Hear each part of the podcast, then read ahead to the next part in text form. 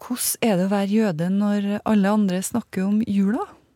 Dana Vanono hun satt altså i vinduet og så på alle julestjernene, julenissene og julestemninga i naboblokkene på Sankthanshaugen i Oslo da hun var barn. Ja, for hjemme hos hun så var det ikke noe sånt som nisser og julestjerner og sånn. Så da hun flytta for seg sjøl, ville hun prøve ut det her med juletre, da. Hun for og handla sammen med ei venninne, men da hun kom drassende med det her treet til bygården hun bodde i, så fikk hun litt panikk. Ja. For i etasjen under henne så bodde rabbineren. Ja, altså den åndelige lederen til jødene, da. Mm. Og hun måtte jo forbi døra hans med det her treet. Ja, som altså ikke hører hjemme i jødisk tradisjon. Hvordan det her gikk, det skal vi få høre etter hvert, for vi har hatt besøk av Dana her hos oss. Lise Sørensen og Margrethe Nåvik, vi står her i studio og presenterer denne ukas saker i Mellom himmel og jord. Og vi har jo besøk i studio her, da. Hei, Dana Vanono. Hei! Du har jo med deg en liten venn. Ja, jeg har med en tass på, på tre måneder. Ja. Og så har han en, eh, en tvillingsøster, men hun er hjemme. Ja, du Ja. måtte ta med én, liksom. Ja, Vi Ja. måtte dele oss, og pappaen har én, og jeg har, eh, har én. Ellers hadde det ikke vært mulig å komme hit. Og vi ville jo gjerne ha deg her, fordi Dana, du er av jødisk herkomst, og nå like før jul så er det hanukka. Ja. Jødisk høytid, og det skal vi snakke om etter hvert. ja. Det her blir jo spennende, for vi vet jo ikke helt hos, hva han syns om å være på radioen, han eh, lille vennen. Nei, det er første gangen i han tre, hans tre måneder gamle liv. Men uh, foreløpig så kikker han rundt seg og er eh, veldig opptatt av den mikrofonen jeg sitter og snakker inn i. Det høres bra ut. Jeg tenkte jeg skulle spørre deg, har du kjøpt noen julegaver? Ja. Ja. Eh, så mange som eh, man rekker med tvillinger. Ja, nemlig. Det er jo sånn at eh, vi hørte nylig at Finn.no var ute og sjekka hvordan vi stiller oss til, til å få brukte julegaver. Ja. Og ifølge denne undersøkelsen så er det fire av fem nordmenn som er åpne for det. ja. Hva tenker du? Blir du fornøyd hvis du finner brukt og litt slitt i pakken? Ja. Det vil jeg absolutt si. Etter at disse her to kom til verden, så har vi jo fått arve utrolig mye klær av eh, niesene og nevøene deres, og senger og egentlig nesten alt. Ja, det, det er, For det første så er det jo en utrolig deilig for oss å slippe å, å fly butikker annenhver uke når de vokser ut av klærne sine. Eh, Og så er det jo fint å gi videre. Veldig. Det er veldig koselig å vite at liksom eh, eh, fetteren hans eh, brukte det for noen år tilbake, ikke sant? Nemlig. Ja. Men også over halvparten av oss har vurdert å justere ned også da, omfanget av julegaver, og mange syns at det her gavestyret er et pliktløp. Vi har vært på gata. Det høres litt annerledes ut der. Jeg syns det er kjempekoselig med julegaver. Og både det å finne ut hva man skal gi, og hva som hadde vært den fine julegaven for eh, de ulike i familie og venner. da. Lage en del julegaver sjøl også. Det blir ikke bare sånn pes for deg, da. Nei, eh, nå skal jeg jo si at jeg har tatt meg en ferieuke denne uka her da, for å handle inn julegaver og bake julekjekser. og Hva er den fineste gaven du gir til noen i år, da? Det må nå sikkert bli til besteforeldre og bilder av hun dattera, det da. Ja. Ja. Da smelter hjertene. ja ja, da er besteforeldrene de er glad, de. Hvor høyt elsker du julen på en skala til null til ti? Eh, Jeg er nok en ti-person. Jeg elsker å høre på julesanger og bake julekjekser og pakke inn julegaver og ja, nyte tida. Har du fremdeles gleden av å gi julegaver? Ja, det vil jeg si jeg har. Det handler jo, jeg tenker det handler jo om å gi enn å få. da. Jeg føler jo det er en del av jula da, en julestemningen og en del av tradisjonen vi har. da. Så det føler jeg er viktig å opprettholde. Skjønner jo de som sier at eh, det er nok gaver og det er nok styr med greiene. La oss slutte med det. Altså, Jeg kan jo se problemstillingen med at vi lever litt i et eh, bruk-og-kast-samfunn, men eh, til syvende og sist handler det om hva du gjør det til sjøl. Det trenger ikke være så massivt, og du trenger ikke gjøre så mye ut av det. da. At det blir et pes. Det skal jo ikke være det. Hvis du skulle fått en gave du satte veldig pris på, som hadde, liksom, eh, hadde rørt ditt hjerte, hva skulle den gaven vært for noe? Altså, Jeg setter jo mer pris på en opplevelse. da. Det er jo noe, et minne som varer lenge. da. En ting kan jo gå i stykker, en ting kan kjøpes. eh, Men jeg vet ikke, en reise eller en opplevelse eller noe sånt. Jeg ser du er travelt. Takk skal du ha. Ja, tusen takk. tusen takk. Jo, ha det. Jeg, det. Jeg trodde at de lett skulle finne noen personer som var nokså restriktive til å kjøpe julegaver, men det virker som de fleste er på julegavekjøret, faktisk. Jeg får stoppe en som ikke går med handlepose, men i stedet har en ryggsekk, tursekk, på ryggen. Der kommer det en kvinne. Har du fremdeles gleden av å gi julegaver? Nei, det har jeg ikke. Hvor forsvant den gleden hen, da? I det her eh, kaotiske jule-hurra med rundt forbrukssystemet, som jeg føler at det er handelsstanden som bestemmer hva det er vi egentlig skal gjøre for noe, og hva vi skal bidra med. Kjøp ikke julegaver. Og da er alle rundt deg veldig skuffet. Nei, det tror jeg ikke. For mine nærmeste de får et veldig fint personlig kort med penger i. Så kan de sjøl bestemme om de vil spare, eller om det er noe de ønsker seg. Barnebarn, døtre og svigersønner får det. Du da, får du noe til jul? Jeg ønsker meg kun én ting til jul, og det ønsker jeg meg i alle år, og det er fred. Ja, tenker du på sånn fred i ditt liv, eller fred for verden, eller? Global peace. Ja. Og hvis folk har lyst til å gi meg noe, kan de gi de pengene til Kirkens Bymisjon. Jeg er ikke så prektig, men det er mine tanker rundt det her kaoset her. Ja, det har jeg god glede av å gi julegaver. Det syns jeg er kjempehyggelig. Det er det du har handlet her nå, eller? Ja, Jeg har handla litt julegaver her nå, gjort det. Hvor mange gaver eh, kjøper du i år, tenker du?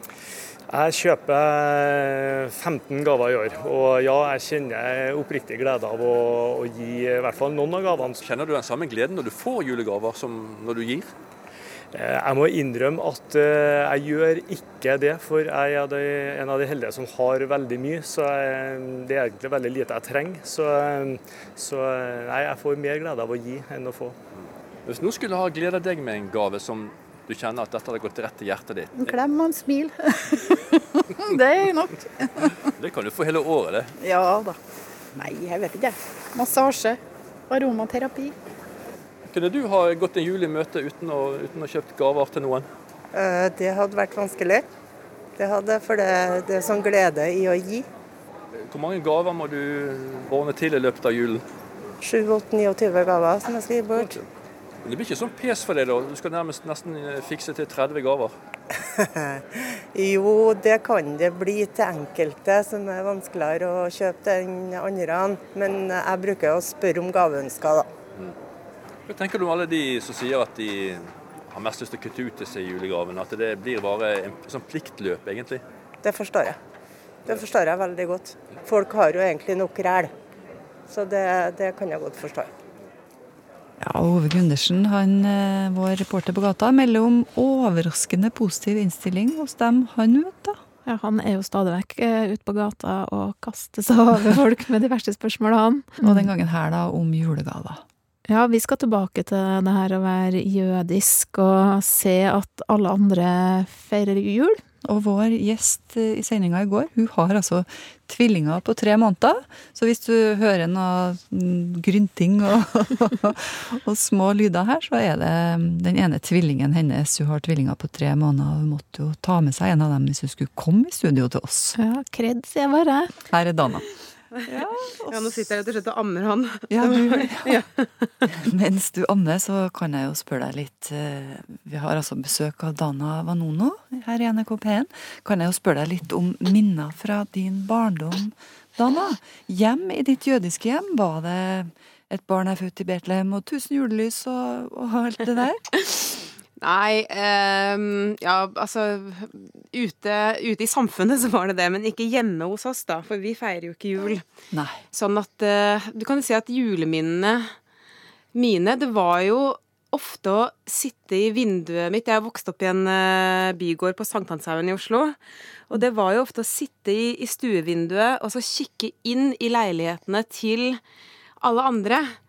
Eh, og etter hvert, liksom, som desember eh, liksom tuslet av gårde, så ja, kom det opp en, jul, en nisse i det ene vinduet, og så kom det opp en adventsstake i et annet vindu, og så kom det opp en engel i et tredje vindu, og så når man nærmet seg 24. desember, så, så dukket juletrærne opp, da. Det ene større og grønnere og mer eh, prangende enn det andre, da. Og det satt du i karmen og kikka på? Det satt jeg og kikka på. og Var vi det hadde- litt sånn lengsel i det blikket, da, eller? Ja, det Ja. var det. For du, der var det ikke noe juletre eller noe Vi hadde ikke juletre. Nei. Det hadde vi ikke. Det var jo veldig eksotisk da, syns jeg. Og litt sånn fremmed og Men så har jeg jo skjønt at uh, da du flytta for deg sjøl, så kom det altså en mulighet for å feire sånn som du hadde lyst til. Ja, det var vel eh, ikke snakk om egentlig å feire jul. Det var mer dette her med å liksom for en gangs skyld få oppleve hvordan det er å ha dette hersens juletreet, da. For jeg bodde jo i kollektiv for eh, noen år sia, og da ble det foreslått at eh, eh, vi skulle ha et eh, juletre i det kollektivet. Så da var vi og kjøpte et juletre, og jeg følte meg altså som en unge på fem år da vi bar den grana hjem sammen, da. For jeg, jeg var altså så Jeg var så oppspilt over å endelig ha, få ha et juletre i stua, for det har jeg liksom aldri hatt før. Eh, men på den tida så bodde jeg jo i etasjen over rabbineren i Norge.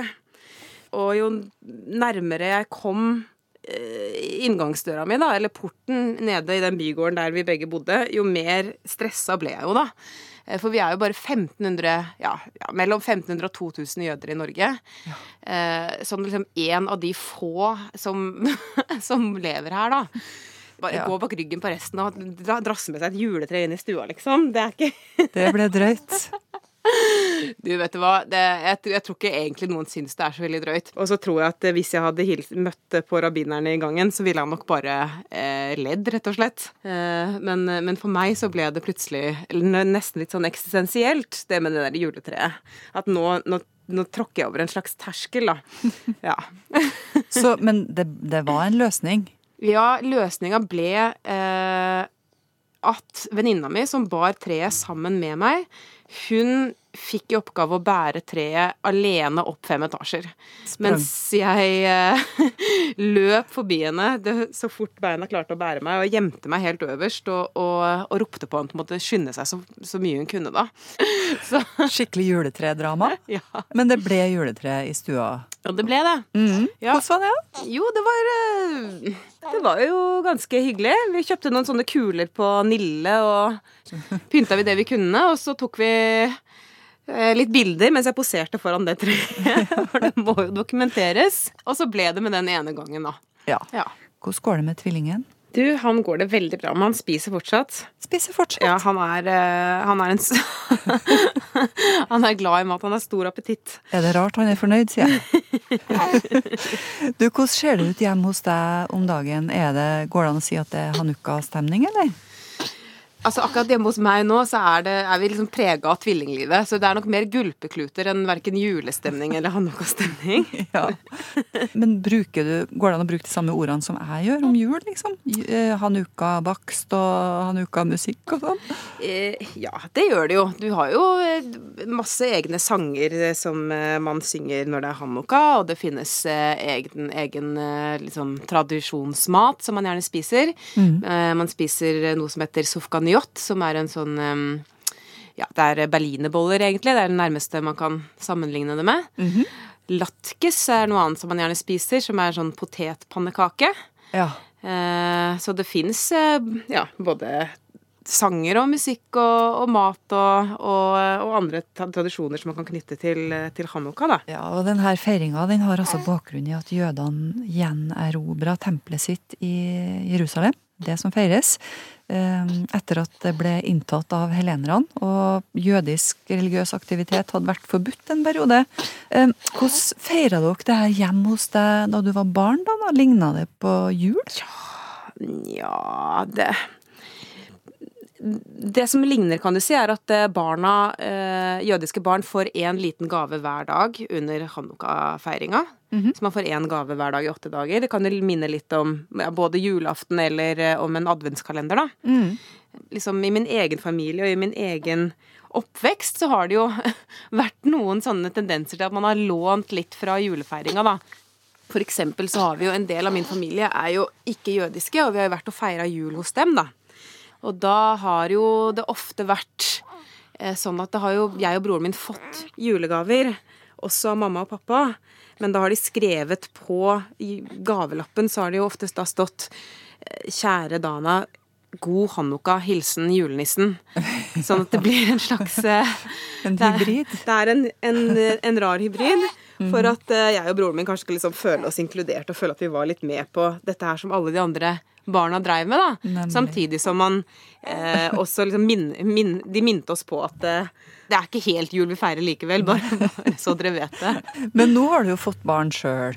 Ja. Er det dine to første Ja, tvillinger? det er det. Ja, på tre Mm. måneder. Og Ja. Må vi si, hvis noen ikke har fått med seg det, at du har jo med deg en av dem, da. Yes. Um, Hva har du lyst til å gi videre til dem av de her tradisjonene? Jeg har jo lyst til å gi så mye som mulig av det jeg selv har vokst opp med, da. Du har det? Eh, ja, det er klart. Eh, og så er jeg også eh, pappaen til barna. Han er jo ikke jødisk, så han har sine tradisjoner. Mm. Så vi kommer til å feire eh, jul i år hos familien til faren til barna. Eh, og så feirer vi hanukka hjemme hos eh, familien min, da. Og da tenner vi hanukka-lys, og vi spiser sufganiyot, og de får en liten eh, hanukka-gave, da, av bestemoren og bestefaren deres. Så det blir dobbel feiring? Ja, ja, ja. Og det er jo det som er veldig fint da, med å være eh, jøde i Norge. At du får jo både julegaver og hanukka-gaver. Er det noe du absolutt ikke vil ta med deg videre, som du hadde i oppveksten din? Hmm. Tja, om det er det Vet du hva, det der med å være tokulturell eller flerkulturell, det kan være ganske krevende til tider. Mm. Man kan bli litt sånn identitetsforvirra av det. Men når, man, når du liksom stiller meg det spørsmålet er det noe du ville tatt bort, eller ikke vil at barna dine skal få, så kan man nesten si at eh, det er det ikke. Fordi det er så berikende. Og så, eh, så fint, egentlig, da, å, å vokse opp eh, eh, med å kunne se verden liksom fra flere perspektiver. Så selv om det er litt krevende, så er, så er svaret på det egentlig nei, altså. Dana var noen Vanono, sier vi god hanukka, eller hva sier vi? Ja, vi sier god hanukka, men egentlig de fleste sier happy hanukka, fordi man bare, man bare adopterte fra USA, egentlig. Da sier man jo Merry Christmas and Happy Hanukka. Ja, da sier vi happy hanukka da, Dana. jo, takk. Og god jul. Veldig hyggelig med baby i studio, altså. Det er jo så hyggelig. Og den lukta og den lyden, det må være det fineste som fins. Nyt den tida. Sjøl om den er hektisk Ja. innimellom. Ja, det er det. Og nå så skal vi få et gløtt inn på privaten hos Camilla Kjønn Tingvoll. Kollegaen vår, det. Mhm. Hun har fått noe nytt i hus som hun har lyst til å fortelle om. Tydeligvis veldig glad i, i det her. Ja, her er skapet, da. Jeg tror det er 2,36 meter høyt. Her har jeg jakkene mine på to knagger, og så er det hylle. Og så får du plass til ryggsekken òg. Åh, det er så Ja, som vi hører, her om dagen så fikk du deg altså nytt garderobeskap i gangen, Camilla. Ja, det må jeg si var jo etterlengta oppbevaring. eh, For jeg har liksom ikke hatt noe plass, altså skikkelig plass til å henge opp eh, ytterklærne mine. Og da spør du kanskje, Margrethe, hvorfor har ikke du skaffa deg noe før? Jo, du, det er fordi at det er en del jobb når du skal sette opp garderobeskap. Du skal kjøpe det, frakte det, sette det sammen. Lite dagsverk. Ja, tungt òg. Mhm. Men eh, skapet er opp, har jeg forstått, så du har jo fått hjelp, da. Ja, for at her om dagen så, så fikk jeg etterlengta hjelp fra uventa hold, kan det vel si. For svigerfaren til bror min, han veit du, hadde fått nyss i at, eh, at jeg trengte litt hjelp. Du verden. Og han sendte en melding og spurte meg om han kunne hjelpe meg. Og tror du jeg sa nei?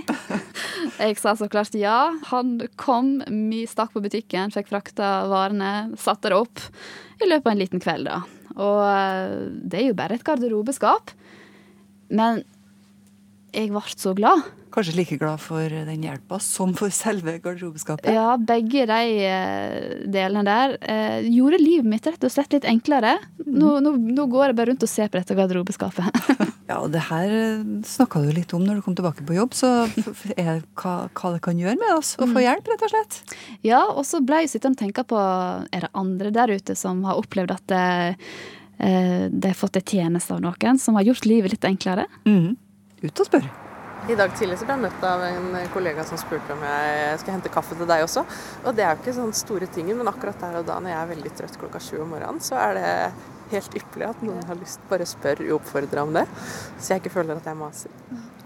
Hva, hva gjorde den lille tjenesten med deg?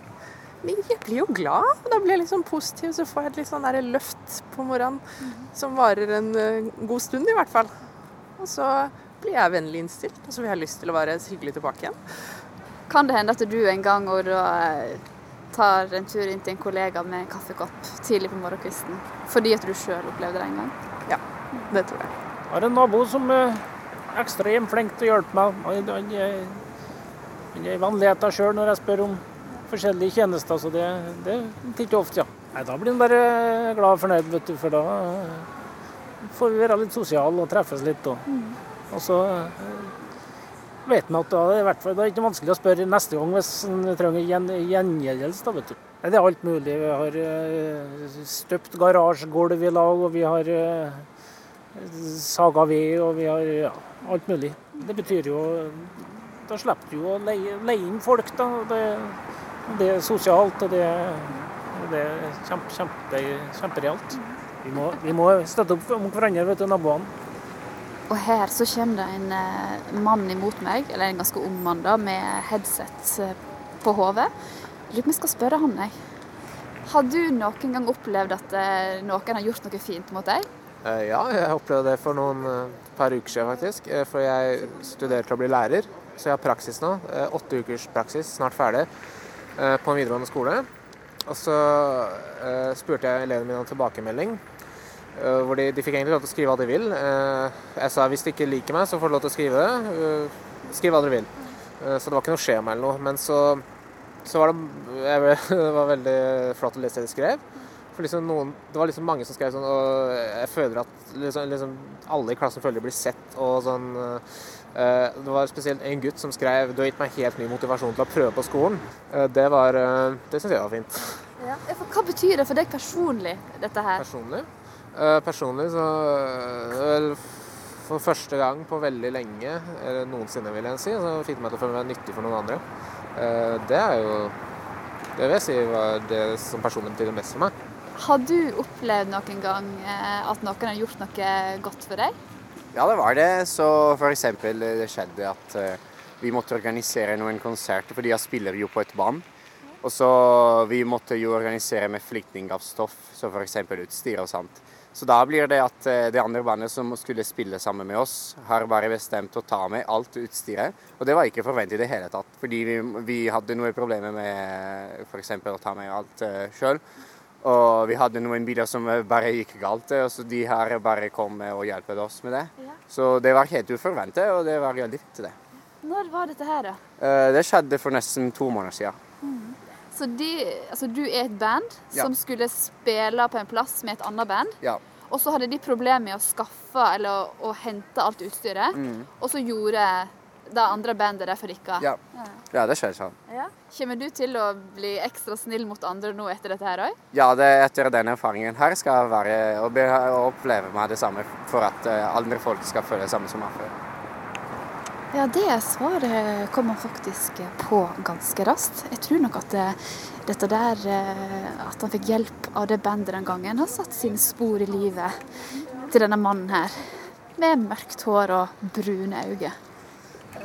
Hvis jeg møter velvilje og positivitet i mennesker rundt meg, så, så gjør jo det forhåpentligvis at jeg blir eh, mer, eller kanskje enda mer positiv enn det jeg forsøker å være i utgangspunktet. Da. Jeg prøver jo gjerne å være positiv og snill og grei òg, men, eh, men det er klart det er godt humør og, og sånn generell positivitet det er smittsomt.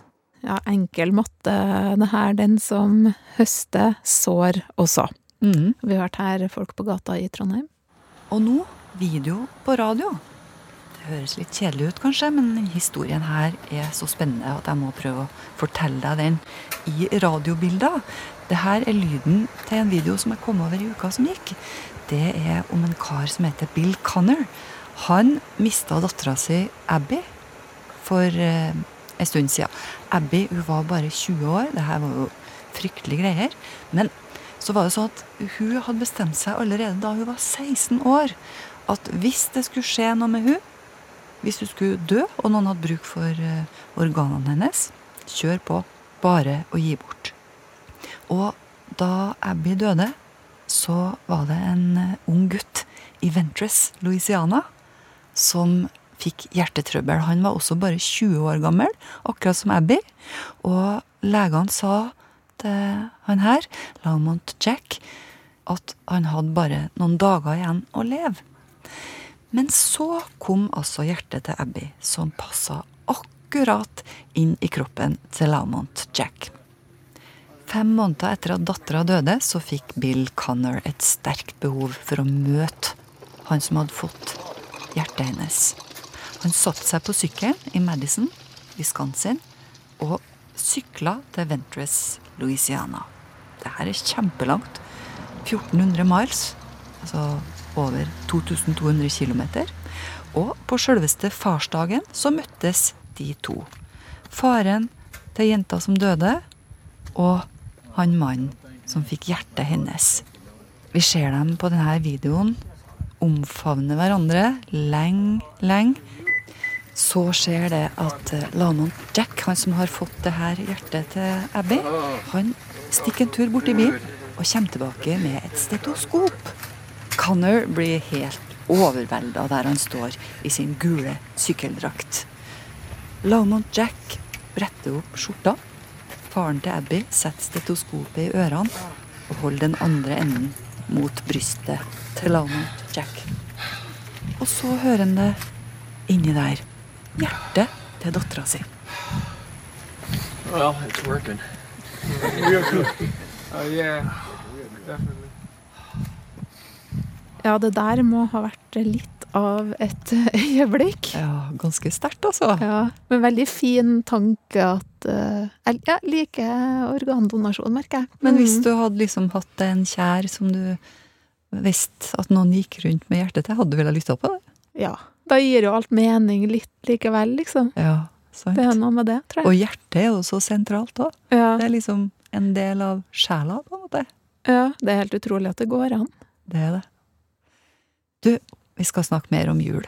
For poet og artist Trygve Skaug, han er jo fryktelig glad i jula. Men for noen år tilbake så fikk eh, noen andre sine øyne han til å tenke annerledes om feiringa og det store julegavedrysset. Jeg har eh, tenkt litt på det med glitter. Vi har så mye glitter. Eh, og jeg har to døtre. Vi har mye glitter hjemme. Eh, og glitter er jo en veldig fin ting. Det, det gjør hverdagen vår eh, glitrende og vakker. Mens hvis det blir for mye, så kan det bli litt mye glitter. Ja, for at det blir det for mye av gode, så mister kanskje det vakre sin betydning. Det blir liksom ikke så unikt lenger. Har du opplevd det en eller annen gang, kanskje? Musiker og tryllekunstner med ord Trygve Skaug sier han og familien fikk smake smaka litt på denne her problemstillinga jula for noen få år siden, helt uventa. Det var eh, julaften, jeg tror det var 2010, kanskje. Det var eh, en vanlig, litt sånn eh, ganske hvit jul. Mye snø ute, og vi var samla. Vi var Vi er jo mange søsken, så det var i hvert fall noen av oss samla i stua til mamma og pappa. Min bror hadde med noen venner fra Australia.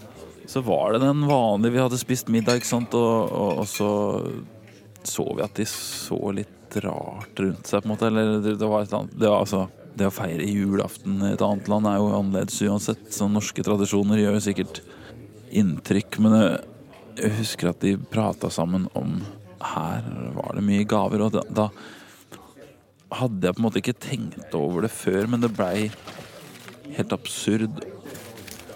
Vi hadde ikke plass til alle gavene under treet. Så rundt juletreet så var det sånn svulstig ring med gaver, og så hadde vi i tillegg laget, måtte lage en egen haug ved siden av som var nesten like høy som juletreet, føltes det som. Og det var så mye gaver i rommet. Presangdyret hadde overtatt stova, og Trygve sier at han og familien fikk julegavesjokk. Og det blei veldig sånn sterkt å få det blikket utenfra, fra de vennene til broren min som var der og så "Ja, Hva er det dere driver med, egentlig? På en måte. Det var vel den kvelden at uh, broren min sa at Den andre broren min sa at det her, det her gjør vi ikke igjen. Og så kjente alle at det var litt godt at noen sa det. Det ble ei litt annerledes julaften. Men eh, denne kvelden så vokste det òg fram en idé som etter hvert eh, har blitt en tradisjon. En ting er at barna må jo få seg julegaver, og den forventningen der, men her var det liksom 20 julegaver til hver av oss voksne. Hva om vi altså foreslo han andre broren min, hva om vi putter det vi har putta i gaver til hverandre, i en sum, da. Så samler vi det i en pott poenger, og så sender vi den til noen som har bruk for det. Et annet sted i verden. Um, og så har vi gjort det jul etter jul, og det, det har blitt en veldig fin ting. Vi finner et felles prosjekt som vi har lyst til å støtte hvert år. Et nytt hvert år, og så, så blir det jo fort uh, Hvis hver av familiene bruker et par tusen kroner hver, ikke sant, så blir det plutselig 10 000-12 000 kroner. Men er ikke det kjekt å få julegaver, da? Jeg er veldig glad i gaver, og det er kanskje det som gikk galt. Kjærlighetsspråk man har, man har forskjellige kjærlighetsspråk, og jeg tror vår familie sitt har vært kaver. Gi hverandre ting som viser at vi setter pris på hverandre. Eh, og det gjør vi fortsatt. Det vi bare er tydelige på at eh, nå har vi gitt til hverandre, men det er noen andre som har fått det. Du er ikke litt redd for å virke altfor eh, moraliserende nå, da? Nei, jeg tenker at det Nei. Det er jo ikke sånn at jeg går rundt og peker pekefinger på alle andre som har gaver. Det her tok vi et oppgjør med hjemme hos oss, for at vi følte at sånn her hadde det blitt hjemme hos oss. Så hvis vi skal være så redde for å være moraliserende at vi ikke ser at der ute er det en som fryser, eller der er det en som ikke har mat, liksom. Vi ikke tør å prate om, om det, fordi at vi er redd for at det blir moraliserende, så da, da får vi heller tåle at noen får litt såre tær. Vi skal fortsatt kose oss med det glitteret vi har, men når vi har så mye, så kan vi få spredt det utover, så kan det bli glitter både her og der. Det er Trygve Skaug som sier det her. Altså, han presiserer da at han er ikke mot julegaver, men han mener at det går an å spre det her glitteret, som han kaller det, da, utover verden. Noe av det landa på Camilla, da. Det her er jo den tida på året da mange skoler tar ungene med til gudstjeneste, og her er det da mange sterke meninger. Hvert år så kommer denne diskusjonen. Og tidligere i høst så la NRK Super ut noen spørsmål. De har jo en sånn app, Supernytt-appen, mm. hvor unger egentlig kan svare, da. For de flestepartene som svarer her, er mellom åtte og tolv år. Jeg tror de legger ut noe nytt hver dag, nesten. Hver dag? Ja, ja. Sånn, uh, så man kan ta en liten undersøkelse på ulike ting. Ja. Dattera mi har det, så ja. Hun har det, ja. Og det er jo ganske mm. mange som svarer, og det er jo liksom ja. 20 000 som har svart her, eller noe sånt, da. Mm. På de spørsmålene her. Ja, og det du har funnet i eh, spørsmålet 'Liker du å dra på gudstjeneste?' Ja, sånn enkelt sagt så er det altså halvparten som, av dem som har meninger, sier at ja, greit, eller de elsker det. Mm. All andre halvparten sier at eh, nei, det syns de ikke er noe stas. Mm. De spurte også om hvis de kunne velge, så vil du helst dra på gudstjeneste eller et uh, alternativt opplegg. Og da svarte 27% at de ville gå i gudstjeneste. Mens flertallet da, på 73 ville ha et annet opplegg. Mm. Over 16 000 barn var det som stemte for et annet opplegg. Mm. Og på en skole i Bergen så har de nå gjennom noen år klart å skape skikkelig høytidsstund i gymsalen for dem som ikke skal i kirka før jul. I fjor så fikk de en pris, faktisk, fra Human-Etisk Forbund, fordi de har så flott opplegg på skolen. Og jeg ringte rektoren her for å høre hvordan de tenker om avslutninga. Hei, Anita. Ja, hallo. Margrethe Nåvik fra NRK Radio her.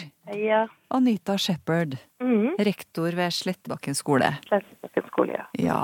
Nå handler jo den eh, stunda i kirka om eh, juleevangeliet og Jesu fødsel. Og hva handler det om på Slettebakken skole, i gymsalen?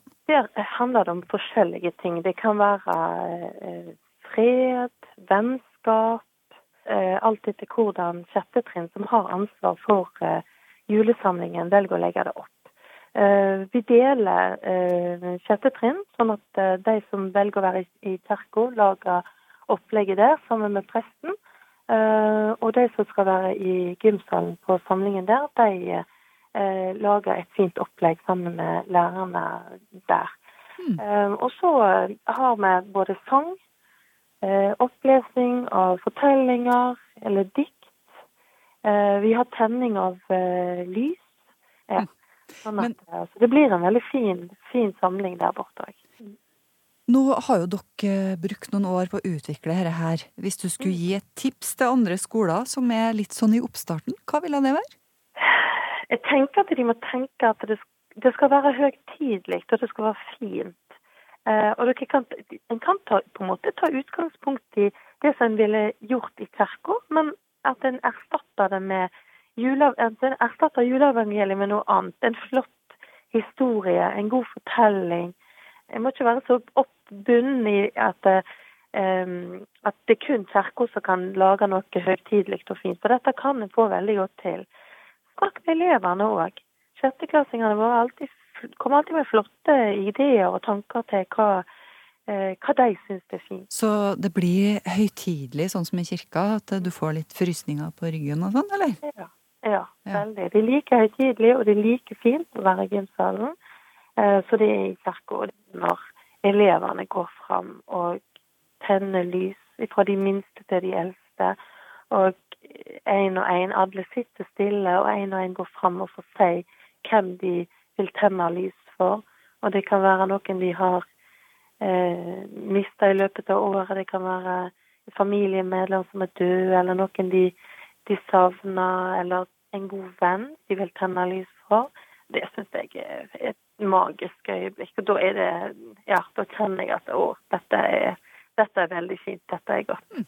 Så selv mellom ribbevegger og tjukkasmadrass går det an å få til høytid før jul? Absolutt. For meg er det viktig at uansett om du har vært i kirka eller om du har vært på samlingen i gymsalen, så, så går vi ut derifra med en følelse av at vi har delt noe godt i sammen. Eh, at vi på en måte kan ta ferie og kan ta eh, Ja, ha fri nå med, med litt sånn Litt fred i, i, inni oss. Det, det er viktig for meg. At vi deler noe godt i sammen. Og ja. Vi må dele de gode stundene sammen, det er viktig. Uansett hvem vi er, eller ja. Hva vi tror på. Mm. Ja. Nå fikk jeg litt klump i halsen, altså. Ja. Tusen takk for praten, Anita Shepherd. Jo. Rektor ved Slettebakken skole i Bergen. Jo, ha det bra, du. Ha det. Ja, og Anita Shepherd hun fortalte at eh, det har blitt litt sånn at uh, dem som var i gymsalen i fjor, kanskje går, på, går til kirka i år. Så det er litt sånn ja, noen ganger går du i gymsalen, noen ganger går du i kirka. Men da har det jo blitt veldig sånn likeverdig tilbud, da. Det har det. Ja. Det var det vi hadde. Det var det. Mm. Mm. Fram til neste gang. ja. Vi er tilbake neste mandag. Mm. Ha det bra. Ha det.